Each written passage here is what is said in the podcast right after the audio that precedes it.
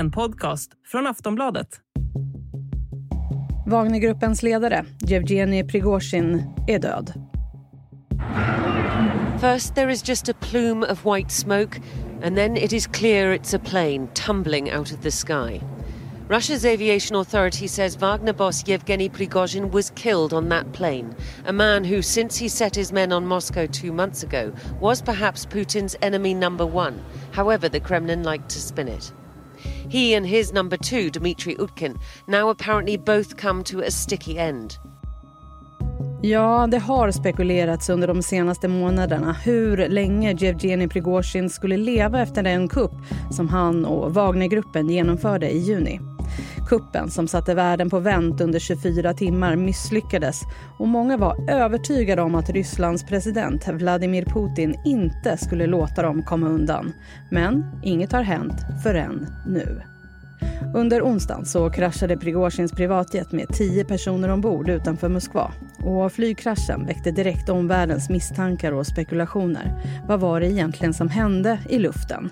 USAs president Joe Biden sa så här. I don't know for a fact what happened, but I'm not surprised. Do you think do you, do you believe? There's not much that happens when Russia is not behind, but I don't know enough to know the answer. Ja, frågorna kring kraschen är många. Kommer vi någonsin få veta hela sanningen? Men också, vad innebär allt det här för Putin som ledare? Vad innebär det för kriget? Och kan det här vara slutet för Wagnergruppen? Det här pratar vi om i det här avsnittet av Aftonbladet Daily. Jag heter Jenny Ågren. Och jag har med mig Wolfgang Hansson, vår utrikespolitiska kommentator. Wolfgang, vad tänkte du när du hörde den här nyheten? Jag tänkte, jaha, nu, nu har det hänt. Eftersom man bara gått och väntat på att någonting ska hända med eh, Prigozjin. Eftersom egentligen har man ju varit förvånad över att han har hållit sig vid liv så pass länge som han har gjort. Vad vet man egentligen om det här förloppet?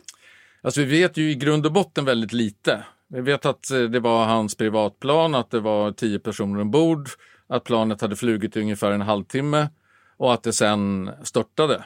Men varför det störtade, det vet vi inte ännu. Men det är ju väldigt ovanligt att plan som har kommit upp på sin marschhöjd, vilket det här rimligtvis borde ha gjort, bara ramlar ner från luften eh, rakt ner. Liksom. Det är ju, händer ju nästan aldrig.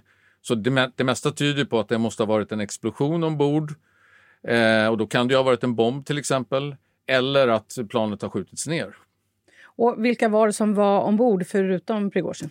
Ja, det var ju några av hans nära medarbetare. Den grundaren av Wagnergruppen och också den personen som, som håller i hans eh, stora restaurangverksamhet och cateringverksamhet, bland annat för den ryska armén. Då. Mm, och det här händer alltså exakt två månader efter den här eh, kuppen som Wagnergruppen utförde i juni. Man har ju liksom bara på något sätt gått och väntat på vad kommer hända med Prigozjin. Ja, eftersom när Prigozjin marscherade mot Mos eh, Moskva för två månader sedan så var det ju han sa ju att han var missnöjd med försvarsledningen men det var ju samtidigt en utmaning mot, mot Putin. Och Putin reagerade ju otroligt negativt på det här. Eh, han kallade ju eh, Prigozjin en förrädare. Och vi vet ju att Putin, om det är någonting han inte tål så är det människor som är illojala mot honom eller som sviker honom. Och därför kändes det väldigt märkligt att han i början såg ut som att han på något sätt förlät eh, Prigozjin och att han fick fortsätta att röra sig fritt och eh, hans eh, soldater fick åka iväg till Belarus, de som ville och de andra fick komma in i armén och så vidare. Så det kändes som att det, det var bara en tidsfråga in, innan någonting skulle hända med Prigozjin. Och vi vet ju inte vad som har hänt, men Wolfgang, kan, kan du lista liksom tre scenarier på vad man tror? Ja, om jag då börjar med det mest som jag bedömer som det mest osannolika och det är ju att det var en, en vanlig flygolycka.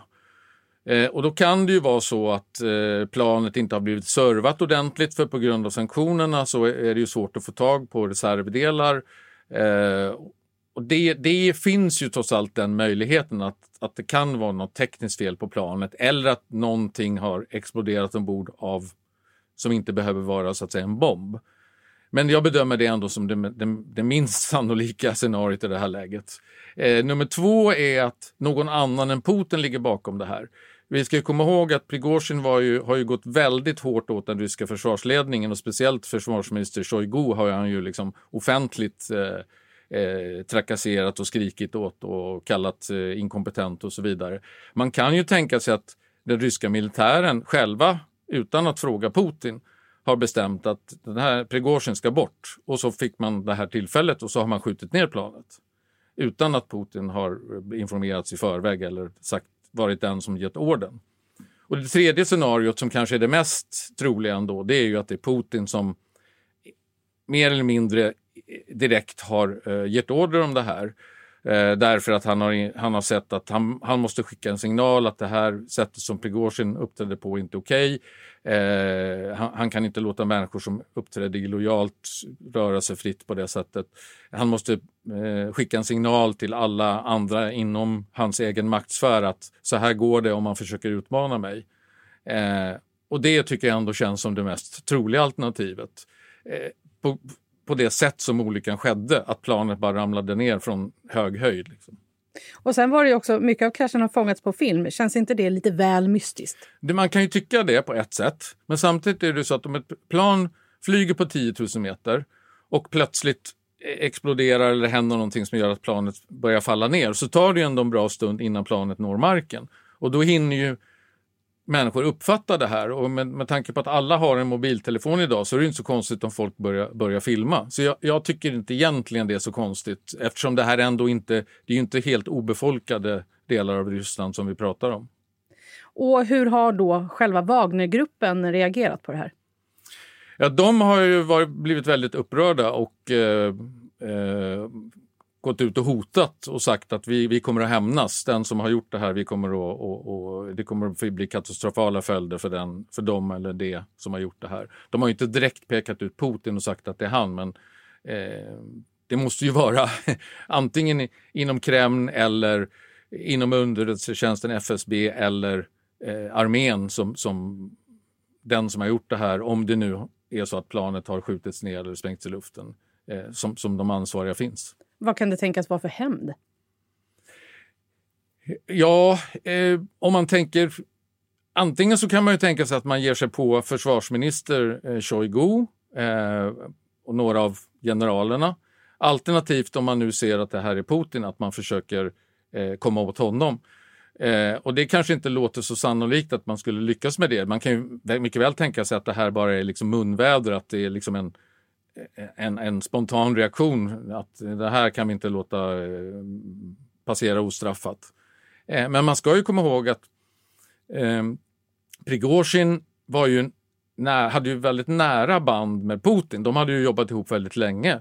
Han hade säkert bra kontakter med en hel del människor inom Kreml och kanske också inom försvarsledningen där han hade ett visst stöd. Eh, och han var ju väldigt tuff i sin kritik mot hur kriget hade förts och tyckte att Rys Ryssland betedde sig, eh, inte gjorde det bra.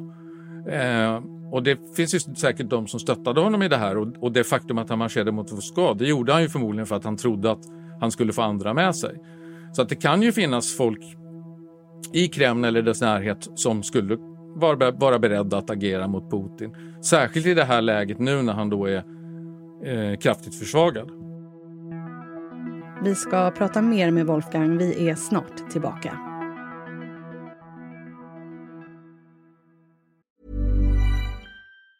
Hej, jag Ryan Reynolds. Recently, I asked Mint Mobiles legal team if big wireless companies are allowed to raise prices due to inflation. They said yes. And then when I asked if raising prices technically violates those onerous two-year contracts, they said, what the f*** are you talking about, you insane Hollywood ass?" So to recap, we're cutting the price of Mint Unlimited from $30 a month to just $15 a month. Give it a try at mintmobile.com slash switch. $45 up front for three months plus taxes and fees. Promoting for new customers for limited time. Unlimited more than 40 gigabytes per month. Slows. Full terms at mintmobile.com. Wolfgang, kan det här vara slutet för Wagnergruppen? Ja, det skulle jag säga. Eh, åtminstone i den form det har haft. Jag menar, nu är ju, verkar som i stort sett hela ledningen är, är, är borta. Eh, soldaterna är ju då inkorporerade i armén, eh, ryska armén eller befinner sig i Belarus. Eh, och de kommer säkert inte att släppas tillbaka till Ryssland om, om de inte går in i, i eh, den vanliga armén. Eh, och jag tror hela det här konceptet med, med en stark privatarmé är någonting som Putin nu ser att det, det funkar inte utan han måste göra någonting annat. Sen kommer de kanske fortfarande att kunna finnas kvar, eh, kanske under annat namn och under annan ledning i, i Afrika och i, i Mellanöstern. Där de ju har varit väldigt nyttiga för Ryssland och, och för Putin. och, och jag menar, man driver guldgruvor i Sudan och, och man har eh, hjälpt Assad i Syrien att sitta kvar och därmed har Ryssland kunnat ha kvar sin bas där, eh, sin flottbas. Så, så att eh, helt borta kommer de kanske inte vara, men de, jag, jag skulle tippa att de, att de kommer att döpas om till någonting annat. Jag tror inte att Wagnergruppen i sin gamla konstellation kommer att leva vidare. Sen förutom att det spekuleras eh, hur mycket vad det egentligen som har hänt där uppe i luften så spekuleras det ju också, är det, så här, är det här en deal mellan Putin och Prigozjin? Liksom att om, du, om vi låtsas att du är död så, så kan du gå undan eller är det Prigozjin som har lurat Putin? Vad, vad säger du om ja, allt det? Min, min, första tanke var när jag hörde det här att hans namn fanns på passagerarlistan. Det var ju jaha, men, men var han själv med ombord på planet? Därför det, det här kan ju ha varit ett sätt för Prigozjin att försöka fejka sin egen död och sen försvinna och därmed inte längre vara på, på Putins dödslista. Eh, men om man nu får tro uppgifterna om att de har hittat alla kropparna och har identifierat alla och att det verkligen är Prigozjin, då, då faller ju den teorin så att säga. Eh, utan då får man väl se det som att det är, att det är Putin eller någon annan eh, högt uppsatt som har velat röja eh, Prigozjin ur vägen. Nu spelar vi in det här torsdag förmiddag. Har det kommit någon reaktion ifrån Kreml eller Putin? Jag har inte sett någon i alla fall. Eh, det kommer säkert att komma, eh, men det kanske tar tid för dem att eh, fundera ut hur de ska angripa det här så att säga. De har ju satt, tillsatt en haverikommission nu som ska utreda det här. Eh, men det är en rysk haverikommission som arbetar under, under så att säga eh, förmyndarskap från, från Kreml så att de kommer inte komma fram till någonting som, som inte Kreml tycker att de ska komma fram till. Och Wolfgang, vad skulle du säga försvagar eller förstärker det här Putin som ledare? Alltså kortsiktigt så kan det ju stärka honom på så sätt att eh, folk runt omkring honom blir rädda. Och om det är någon som har funderat på att eh, försöka bli av med honom så att säga eh, så kanske de tänker en gång extra att det, det, det, det är för farligt, jag kan själv riskera att bli dödad. Eh, Fast i det långa loppet så tycker jag ändå att det här det här är ju en sån, en, sån brutal sak att göra om det är nu så att planet har blivit nedskjutet eller man har sprängt planet. Eh, och det är ju det är en massa oskyldiga människor ombord. Menar, han, han vill åt Prigozjin och sen är det nio andra som befinner sig på planet som också stryker med. Eh, det är ju liksom det närmast maffiafasoner. Det, är liksom, eh, det, det ger ju en, en känsla av att det råder kaos i Ryssland. Att, inte, att Putin inte har kontroll. Så jag tror, jag tror på sikt så kan ju det här eh, sluta med att det är den här typen av död som Putin själv kommer att gå till mötes eh, när någon gång i framtiden någon bestämmer sig för att nu får det vara nog. Och hur har omvärlden reagerat? Ja, de flesta har väl reagerat lite som jag, att de, att de har bara gått och väntat på det här. Och vi har ju hört eh, från president Joe Biden i USA som ju liksom lite indirekt pekar ut Putin genom att säga att eh, det är inte mycket som händer i Ryssland utan att Putin är inblandad. Och det var ju ett fint sätt att säga att han knappast trodde att det här var en olycka. Mm. Och Ukraina då? Har det kommit någon reaktion därifrån? Inte från president Zelensky vad jag har sett. Men jag, och sen har man, alltså det här, för Ukraina är ju det här bara ett bevis på det kaos som de tycker råder i, i Ryssland. Att det inte finns eh, ryssarna inte riktigt klarar av att driva det här kriget och att Ukraina är övertygade om att de i det långa loppet kommer att, eh, att segra och vinna. Så att det är klart att det stärker ju dem på sätt och vis. Fast samtidigt så tror jag inte att det har så stor påverkan på kriget för att Prigozjins manna var ju redan så att säga det fanns ju inte längre den här privatarmén som, som stred i Ukraina utan de var ju då inkorporerade i den vanliga ryska armén, de som fortfarande var kvar. Och de övriga i Belarus och där kanske de gör andra saker. Wolfgang, tror du att vi någonsin får ett tydligt svar på vad som faktiskt hände? Nej, det tror jag inte. Och det är som så ofta när det gäller saker som händer i Ryssland. Vi, vi får liksom tre kvarts av sanningen, men vi får aldrig riktigt veta. Och, och det kommer lite läckor och påståenden och så vidare. Men, men vad som verkligen hände, det tror, jag, det tror jag inte vi kommer att få veta. Tack för idag, Wolfgang. Tack. Sist här Wolfgang Hansson, Aftonbladets utrikespolitiska kommentator. Jag heter Jenny Ågren och du har lyssnat på Aftonbladet Daily. Allt det senaste kring det här det hittar du såklart på aftonbladet.se. Vi hörs snart igen. Hej då!